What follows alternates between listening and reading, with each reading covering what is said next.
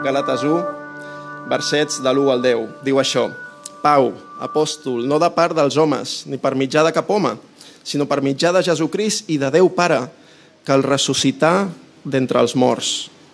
I tots els germans que són amb mi a les esglésies de Galàcia, gràcia a vosaltres i pau, de part de Déu Pare i del nostre Senyor Jesucrist, que es donà ell mateix per no, pels nostres pecats a fi d'alliberar-nos d'aquest segle actual dolent, segons la voluntat del Déu i Pare nostre, el qual sigui la glòria pels segles dels segles. Amén. M'admiro que us canvieu tan de pressa d'aquell que us va cridar en la gràcia del Crist a un evangeli diferent, que no és un altre, sinó que hi ha alguns que us pertorben i volen capgirar l'evangeli del Crist. Però encara que nosaltres o un àngel del cel us anunciés un evangeli contrari al que us hem anunciat, sigui maleït. Com ja hem dit abans, i ara us ho torno a dir, si algú us anuncia un evangeli contrari al que vau rebre, sigui maleït. Vull guanyar-me el favor dels homes o el de Déu? O cerco d'agradar als homes? Perquè si encara agradés als homes, no seria servent de Crist. Amén. Això diu la paraula del Senyor per nosaltres avui. I benvingut al podcast de Ciutat Nova, una església protestant al barri 22 arroba de Barcelona.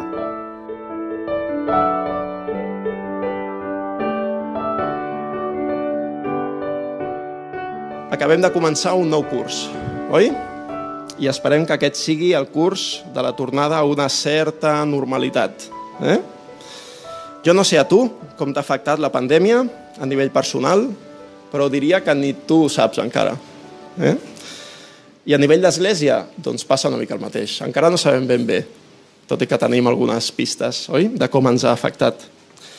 Mica en mica començarem a veure quines conseqüències concretes i pràctiques haurà tingut aquest últim any i mig. A nivell personal i també a nivell d'església, ens hem de tornar a establir.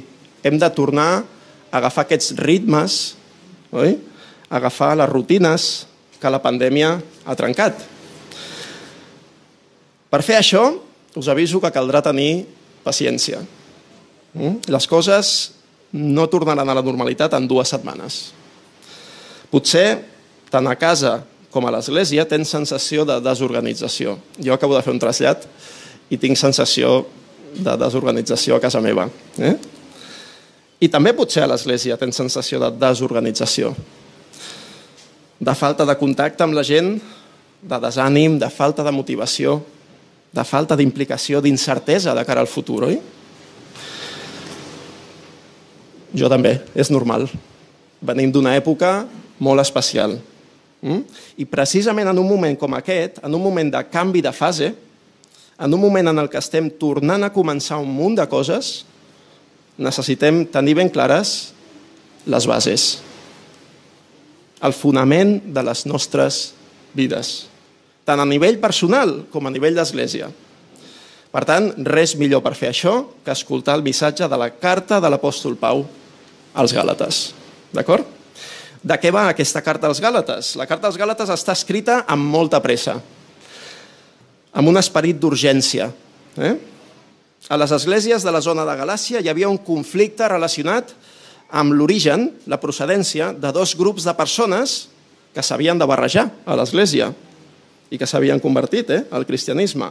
Hi havia creients de procedència gentil o pagana, gent grega, gent eh, de l'imperi romà, i creients de procedència jueva, aquells que coneixien l'Antic Testament, que coneixien la llei eh, i la complien, oi? Pau havia rebut notícies de que els seus conversos gentils, aquella gent a la que ell havia predicat l'evangeli del món gentil, del món pagà, hi havia un grup de procedència jueva que els estava pressionant i els estava dient, sí, sí, la fe en Jesús està molt bé, però també heu de complir una sèrie de normes concretes de la llei de l'Antic Testament. No n'hi ha prou amb el que Pau va predicar. Els jueus conversos al cristianisme deien que la fe en Jesús estava molt bé, però calia complir coses com la circumcisió, com la celebració de festes eh, de dates especials. I clar, quan això es considera com un dels elements essencials de l'Evangeli, per Pau era un gran problema. Diu un dels comentaristes que he llegit, i ho poso així perquè ell ho diu molt bé, eh? l'Evangeli de Pau proclamava una salvació provista per la gràcia de Déu en Crist i que els homes feien seva per la fe. Si en alguna mida la salvació depenia del compliment de requisits legals o morals, era un evangeli totalment diferent. En realitat, no era l'evangeli. Els primers cinc versets trobem a un apòstol Pau. Anem, és un text curt, eh? anem mica en mica, d'acord? Pau, apòstol, no de part dels homes, ni per mitjà de cap home, sinó per mitjà de Jesucrist i de Déu Pare, que el ressuscità d'entre els morts, i tots els germans que són amb mi a les esglésies de Galàcia. L'apòstol Pau veu qüestionada, i va veure qüestionat, qüestionada en diferents moments, la seva autoritat com a apòstol.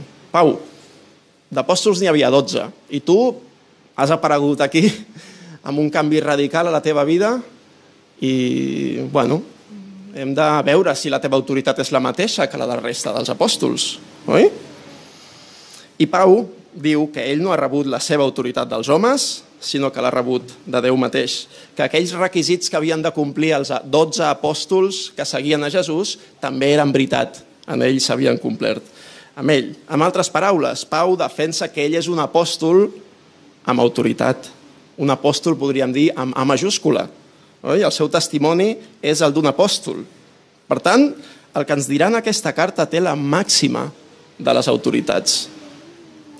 És una cosa a tenir en compte quan ens acostem a les cartes del Nou Testament. El que aquí s'hi diu té màxima autoritat, tan alta com la que trobem als quatre evangelis, per exemple. L'autoritat de Pau com a apòstol era posada en dubte en el seu moment per alguns membres de l'Església i avui també és posada en dubte per alguns membres de l'Església. Quants cops Pau va haver de defensar el seu apostolat davant d'aquells que deien que el seu apostolat no era del mateix nivell que el dels dotze apòstols, oi? Per tant, tinguem en compte que en aquest text no és qualsevol que parla, és un apòstol, que vol dir un enviat, un ambaixador de Crist mateix de Déu mateix. Per tant, estiguem atents al que diu la carta als Gàlates. Llavors, després de dir això, Pau saluda. I fixa't com saluda Pau.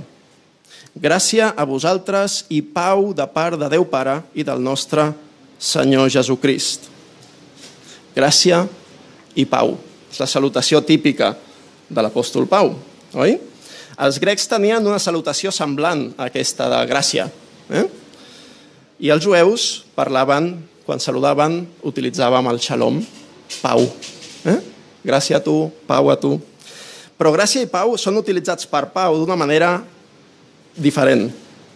Són dos termes que, si t'hi fixes bé, expressen de manera preciosa de què va el cristianisme, què és l'Evangeli. Aquesta manera de saludar és típica de Pau. La gràcia és la bona voluntat de Déu cap als éssers humans expressada de forma perfecta en l'obra salvadora de Crist. I la pau és l'estat vital de pau amb Déu, tenir restablerta la nostra relació amb Déu i, per altra banda, també tenir una relació de pau amb els que tenim al nostre voltant. És una relació de pau que gaudeixen aquells que han experimentat la gràcia divina. Per tant, Pau es presenta, Pau saluda, i introdueix de seguida el gran tema de la seva carta als Gàlates. Quin és aquest tema? L'Evangeli. Diu, saluda, gràcia i pau a vosaltres, Senyor Jesucrist, que es donà ell mateix pels nostres pecats, a fi d'alliberar-nos d'aquest segle actual dolent, segons la voluntat del Déu i Pare nostre, al qual sigui la glòria pels segles dels segles. Amén. Aquesta és la introducció que fa Pau.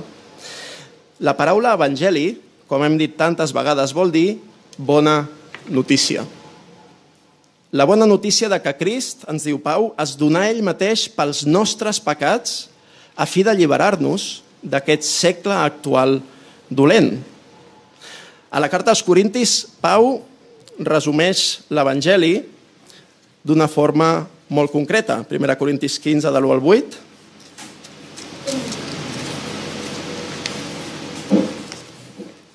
Us faig conèixer, diu l'apòstol Pau, germans, l'evangeli que us vaig predicar i que vau acceptar, en el qual també esteu ferms, i per mitjà del qual sou salvats si el reteniu per mitjà de la mateixa paraula que us he predicat, no fos que haguéssiu cregut a la lleugera.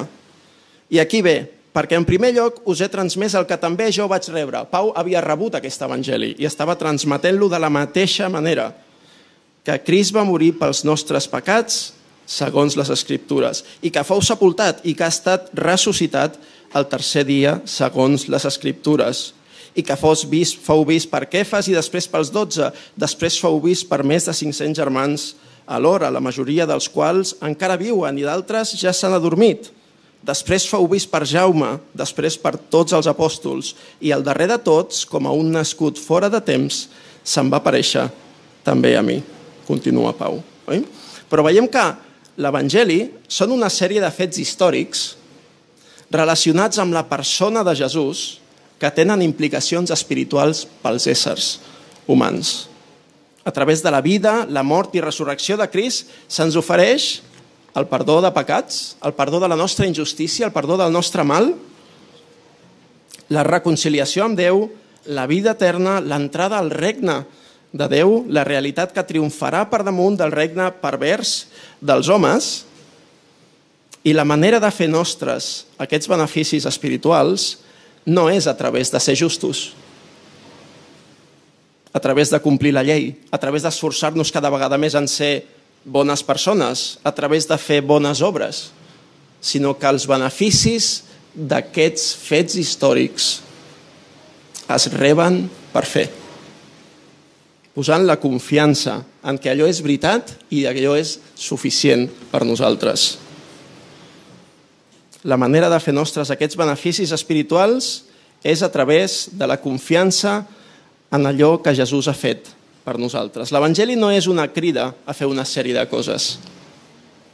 L'Evangeli no és com la llei de l'Antic Testament que et diu fes això i viuràs, fes això i t'anirà bé, i la majoria d'evangelis, de missatges que tu reps cada dia al teu voltant, que podem dir que són evangelis alternatius, fan el mateix que fa la llei.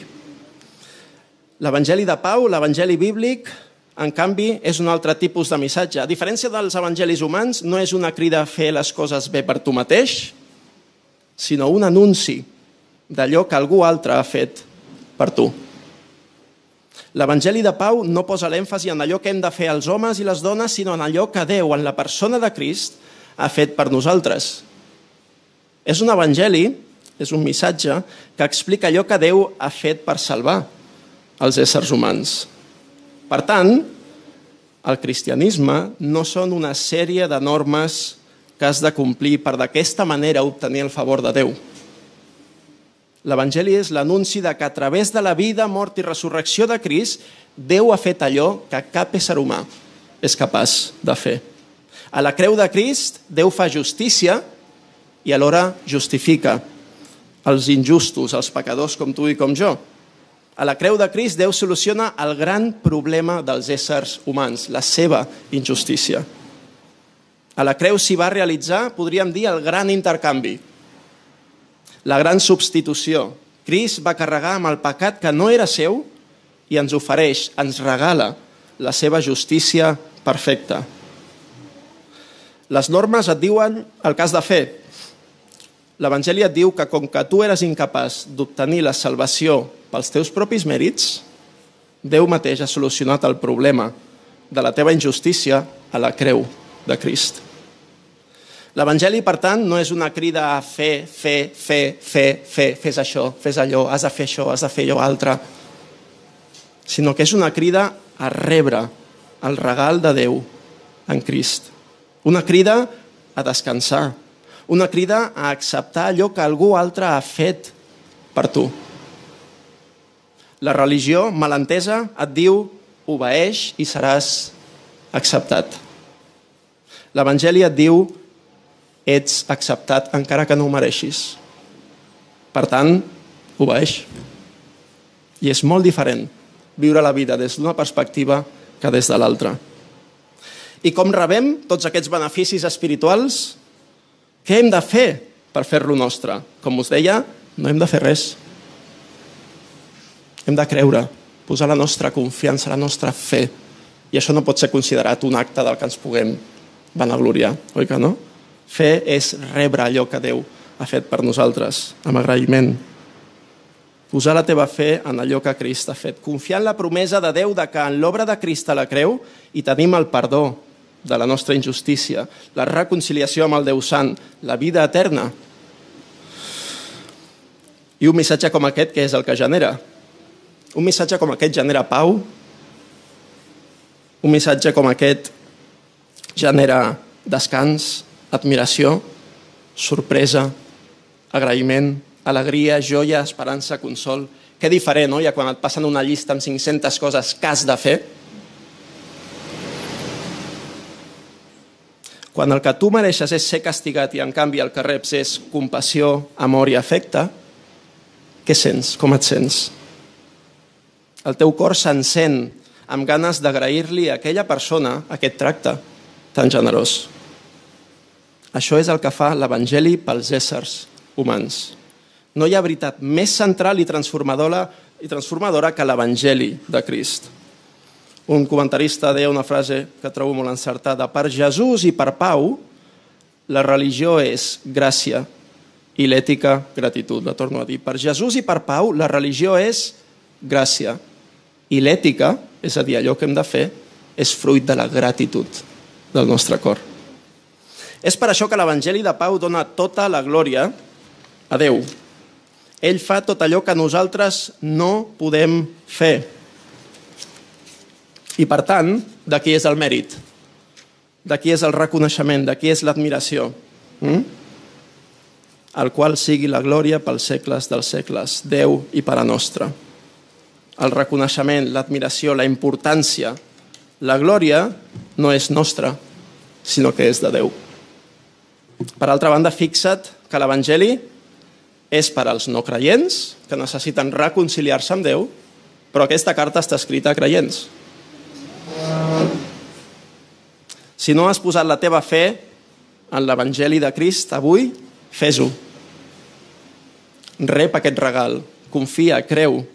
I si ja ho has fet, analitza i avalua si vius la teva vida a la llum d'aquest Evangeli o l'estàs vivint a la llum d'un altre Evangeli. Perquè segons Pau, tot i haver entès i acceptat mentalment l'Evangeli de la gràcia de Crist, ens podem desviar amb la nostra manera de viure d'aquest Evangeli. Cal que lluitem per mantenir-nos en aquest Evangeli.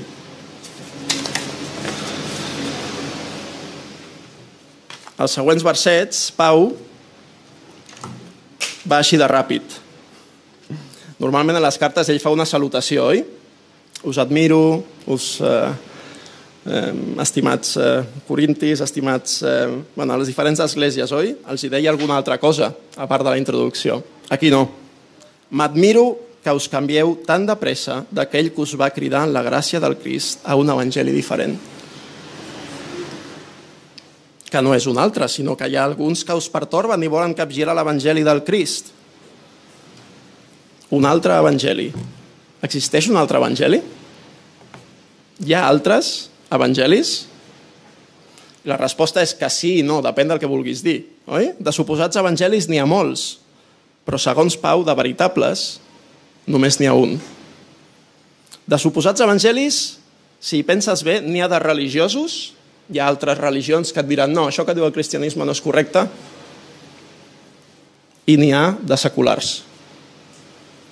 Per exemple, la secció de llibres d'autoajuda cada vegada és més gran a les llibreries. El punt de vista humanista, oi? Et diu quin és el seu relat de vida i què hem de fer les persones per viure la vida bé i quin és el sentit i el propòsit de les nostres vides, si és que n'hi ha. D'altres fins i tot arriben a anar a l'astrologia, oi? La nostra cultura predica un evangeli que, per exemple, dones. Hola, estem aquí. els diu una cosa de forma subtil, eh? segurament, bueno, o no tan subtil, però us diu que si obeïu aquesta sèrie de normes, aquest evangeli, obtindreu l'acceptació i l'admiració de la societat. Esteu preparades? Dona, escolta l'evangeli, podria fer-ho dels homes, dels nens, eh? Us toca a vosaltres. Escolta l'evangeli que ens predica la nostra cultura. D'acord? Pren nota. Has d'estar contenta i feliç tot el dia. Has d'arribar a tot. T'has de cuidar, has de tenir bona salut, has d'anar al gimnàs a poder ser cada dia, has de tenir un bon físic, però també has de tenir una bona formació. També has de tenir una bona feina. Has de ser intel·ligent. Has de ser divertida. Has de ser mare. No mare, la millor mare. Has d'arribar a tot cada dia. Has d'estar al dia de les sèries i de les pel·lícules més actuals. Has de ser una persona de cultura, haver llegit suficients llibres. Has de fer un munt de coses cada dia, ser molt activa, tenir un ventre pla i les cames ben depilades. T'he dit que has de fer bona cara i estar sempre feliç i contenta mentre fas tot això? D'acord, doncs seguim. També has de tenir una vida interessant. I no em diguis que no has vist aquesta última sèrie. Però també has de pensar en els altres, eh? Has de ser generosa, has de col·laborar amb ONGs, has d'estar allà per tothom que et necessiti. Però també has de tenir temps per sortir amb les amigues. I també has de descansar. És molt important que descansis, eh? No t'oblidis de tu mateixa. Has de dormir mínim 8 hores has de fer els tractaments de bellesa que calgui. Has de comprar i posar-te aquella crema. Però també has de treballar. Mínim 8 hores diàries. I alhora està pendent de que tota casa estigui més o menys organitzat. Que tot estigui net. Ah, i per cert, on aniràs aquest cap de setmana? No et quedaràs a casa, no? No seràs tan avorrida com per quedar-te a casa. Ah, i també no sé si ja estàs al grup de WhatsApp de les diferents classes dels teus diferents fills. Perquè tens fills, no? No? Doncs espavila, eh? Perquè se't passa l'arròs. Perquè tens parella, no? No tens parella? Bueno, bueno. Jo espavilaria una mica, et diria algú. Has de tenir bona salut i has de fer vacances. I no t'estressis, eh? Perquè és molt dolent per la salut. Estigues tranquil·la, ¿vale? I també el tema de les extraescolars dels nens, ja saps eh? quines, quines faràs o no, perquè el termini s'acaba. I ha de fer quatre extraescolars mínim per estar bé.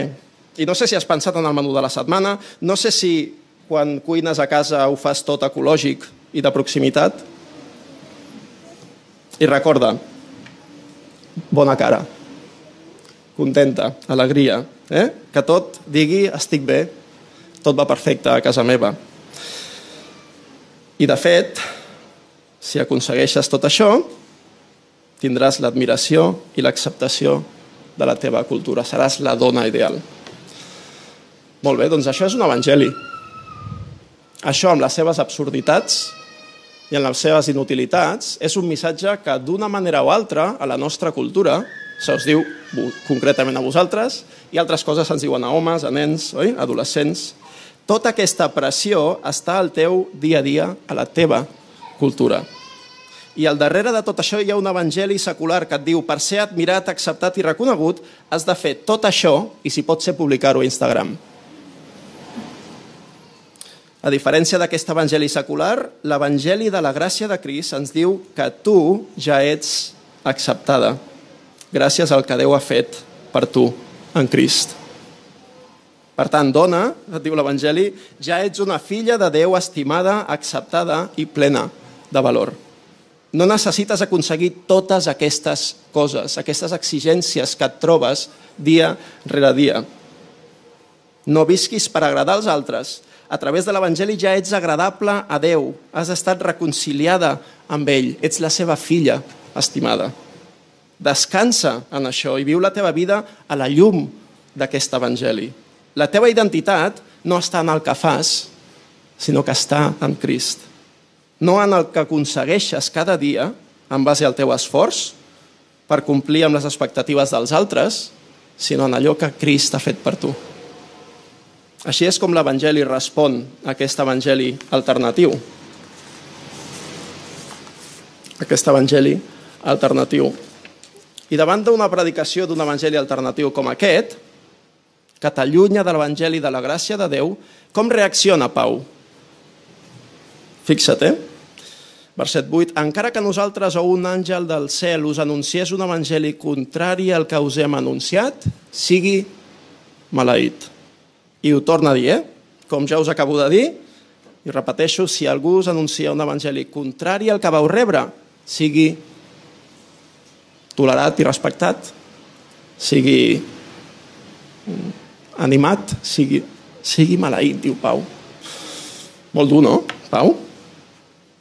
Davant d'una proposta de canvi d'evangeli, quina ha de ser la nostra resposta? Fixeu-vos que Pau va a saco, eh? no, no, no té molt ràpid, molt directe, eh?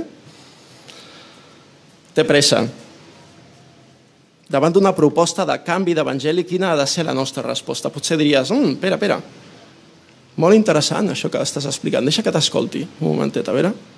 Vine, vine a l'església que ens ho explicaràs, farem una conferència i a veure què ens has d'explicar, oi?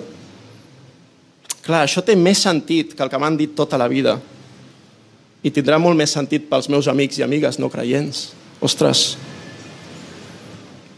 O algú fins i tot, sense dir-ho d'aquesta manera, eh, però arribaria al punt de què equivocada ha estat tota la humanitat fins que he arribat jo i he descobert de què va en realitat la fe cristiana, oi? Doncs la resposta de Pau és molt clara i contundent. Sigui maleït. En altres paraules, que la maledicció de Déu caigui sobre aquella persona. I fins i tot diu això, eh? si jo torno una altra vegada, i us predico una cosa diferent, aquest evangeli, no em feu cas a mi. I si baixa un àngel del cel i us predica un altre evangeli, no li feu cas. La veritat de l'evangeli era molt important per Pau. La puresa d'aquest evangeli. En un món com el nostre, on no hi ha veritats, seria normal que algú li digués a Pau, però bueno, deixa tranquil·la la gent que pensin el que vulguin. No? Amb l'Evangeli, el missatge central de la fe cristiana, en canvi, Pau ens diu que no s'hi juga. La veritat existeix, la vida eterna existeix i també l'infern existeix. I estem davant de temes de vida o mort eternes.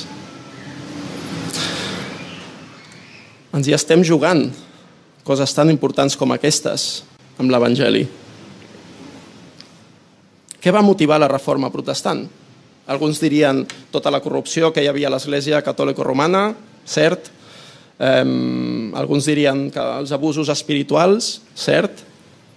Però per Luther hi havia una qüestió molt de fons. La justificació per la fe d'ella és la doctrina sobre la qual l'Església se sosté o cau o entenem bé l'Evangeli o no anirem endavant com a església. La veritat existeix, la veritat de l'Evangeli existeix i ha de ser exposada i defensada. El problema amb els evangelis alternatius, siguin religiosos o siguin seculars, és que neguen a Jesús l'honor que li correspon. I això no treu que hi hagi moments en els que calgui replantejar-nos eh? si el que creiem és adequat i avaluar si l'evangeli que hem rebut de la nostra generació anterior és bíblic. Però tan important com redescobrir l'evangeli és mantenir-se fidel a aquest evangeli un cop l'has rebut. Perquè segons l'apòstol Pau ens podem apartar, allunyar, desviar de l'evangeli bíblic i canviar-lo, capgirar-lo. I això tindrà conseqüències pràctiques molt negatives. I després Pau acaba, com ja hem dit abans, i ara us ho torno a dir, mm? parla sobre aquest evangeli i acaba dient vull guanyar-me ara el favor dels homes o el de Déu? Cerco d'agradar als homes perquè si encara agradés als homes no seria servent de Crist. Al favor dels homes o al favor de Déu?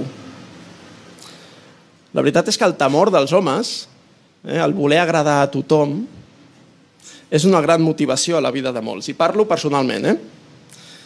Hi ha persones que tenim la tendència, des de ben petits, a agradar als altres. Volem agradar als altres. I no descansem fins que no aconseguim l'admiració, el respecte dels altres. Quan ho aconseguim, estem eufòrics. Quan no ho aconseguim, estem fets pols. Estem deprimits. I això és molt cansat, eh? T'ho dic. I quan el temor als homes li fa la competència al temor de Déu, això és un problema espiritual que cal treballar. Aquí busquem agradar amb les nostres vides, aquí busquem agradar amb el nostre evangeli. Aquí buscava agradar a Pau amb el seu evangeli i amb la seva vida. Als homes o a Déu. La veritat és que no podem tenir tothom content amb nosaltres. No es pot agradar a tothom, eh? Això ja t'ho dic perquè ho sàpigues, i tampoc és sa i és recomanable agradar a tothom. Qualsevol cosa que fas, per bona que sigui, a la que impliqui un grup una mica gran de persones, trobaràs gent que t'ho criticarà. Sabeu que la Noemí, la meva dona, ha estat muntant curses últimament, eh, els que seguiu una mica. Doncs és una iniciativa que tots entenem, la majoria de persones entenem que és bona, oi? Curses adaptades per nens que tenen dificultats de mobilitat i estem molt contents del resultat. Però el que no s'esperava la Noemí és que li sortissin haters a les xarxes socials. I si penses, dius, a veure, gent que, que et critica i que et diu que el que estàs fent no està bé. Dius, una iniciativa tan bona, positiva, és que com aquesta, és que no ho entenc, no?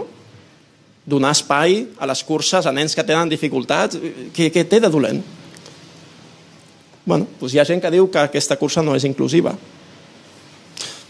Tenen els seus arguments, són molt poquets els que ho diuen, però hi és. Fins i tot una iniciativa tan bona com aquesta, que dius, què pots criticar d'això, no? Té crítics. I a la vida et trobaràs amb això. I com a cristià que vol ser madur, has d'aprendre a viure agradant a Déu en comptes d'agradar als homes i has de substituir el temor de l'home pel temor de Déu. Això és el que Pau havia après a fer. Un dels aprenentatges més importants per madurar com a cristià és aprendre a no voler agradar tant als homes i a les dones i agradar a Déu per damunt del que diguin els altres. Molt bé, l'explicació del text és aquesta. Eh? I ara m'agradaria aplicar això que hem dit. A nivell d'església, la nostra església aviat celebrarà, si Déu vol, 10 anys. I ens podem fer moltes preguntes sobre aquests 10 anys.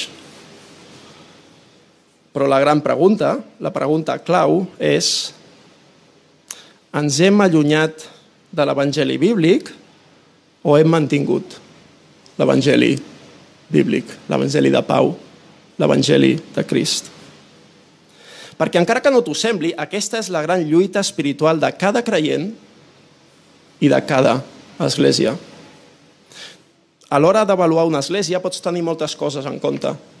Pots avaluar una església pel que es veu per fora, oi? El nombre de persones, el nombre d'activitats, el nombre de gent implicada, totes aquestes coses que es veuen des de fora et poden donar una idea de dir aquesta església va bé, aquesta església ho està fent molt bé.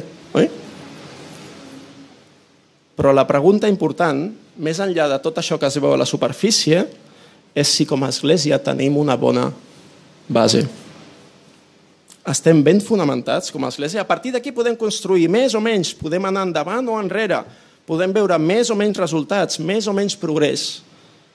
Però si la base no hi és, des de la perspectiva bíblica, no arribarem al lloc. Des de la perspectiva de Déu, que és la important, podem fer un munt de coses i no tenir l'Evangeli ben clar i com a fonament de la nostra vida i de la nostra església.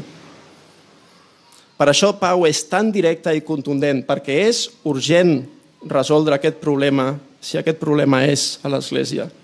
En altres esglésies, com els Corintis, hi havia altres problemes, però que segurament no eren tan fonamentals com el d'aquestes esglésies. Calia operar ràpid. No hi havia temps per grans salutacions. Per tant, en 10 anys d'església, jo us puc donar la meva perspectiva i és que podem donar gràcies a Déu de que no ens hem allunyat de l'Evangeli bíblic. Hi ha coses que no les hem fet prou bé, hi ha coses que no hem arribat a fer, hi ha un munt de coses que podríem analitzar i avaluar, oi que sí? Però la pregunta bàsica, la pregunta important és des d'aquí, des d'aquesta església, es predica un evangeli bíblic de forma continuada? I jo entenc, per la gràcia del Senyor, que això és que sí, que tenim una resposta afirmativa. Oi? A nivell pràctic, aplicacions. Vigila amb els evangelis alternatius. D'evangelis alternatius n'hi ha bastants. Pensem sempre, oi? Eh, quan Pau parla de la fe i de les obres, pensem en l'Església Catòlica, quan ens diu que la gràcia ens dona l'oportunitat de cooperar amb Déu, amb la nostra salvació, aquests matisos, oi? de la fe amb obres. Però també hi ha altres grups dins del món evangèlic que et diuen, per exemple, que si no fas miracles, la teva fe no és prou bona. Alguns creients posen un èmfasi molt gran en la qualitat de la nostra fe. Si la nostra fe tingués la suficient qualitat, tindríem un nivell de benedicció de Déu superior, fins i tot un nivell de benedicció material superior, ens diuen algunes esglésies. Si no tenim aquesta benedicció de Déu superior, la nostra fe és falsa o insuficient. Si no tens revelacions especials i espectaculars directes de part de Déu, és que no el coneixes, et diran. Si no parles amb llengües ni mostres cap senyal sobrenatural, t'hauries de qüestionar si realment creus en Jesús. Et diran des d'alguns àmbits. Des d'altres àmbits et diran, àmbits més liberals, potser et diran que la fe en Crist està molt bé, però recorda que la doctrina divideix i l'amor uneix. El més important, ens diran, és estimar els demés i tractar-los bé, ser justos, ser bones persones, i al final Déu acceptarà a tothom que faci el bé. Això és el que se'ns diu des d'alguns altres àmbits de l'Església. O potser des de grups activistes et diran que has de fer moltes coses, has de servir molt als altres. Quantes més coses fas, millor. Quantes més coses facis, més acceptat, admirat i respectat seràs i més espiritual seràs.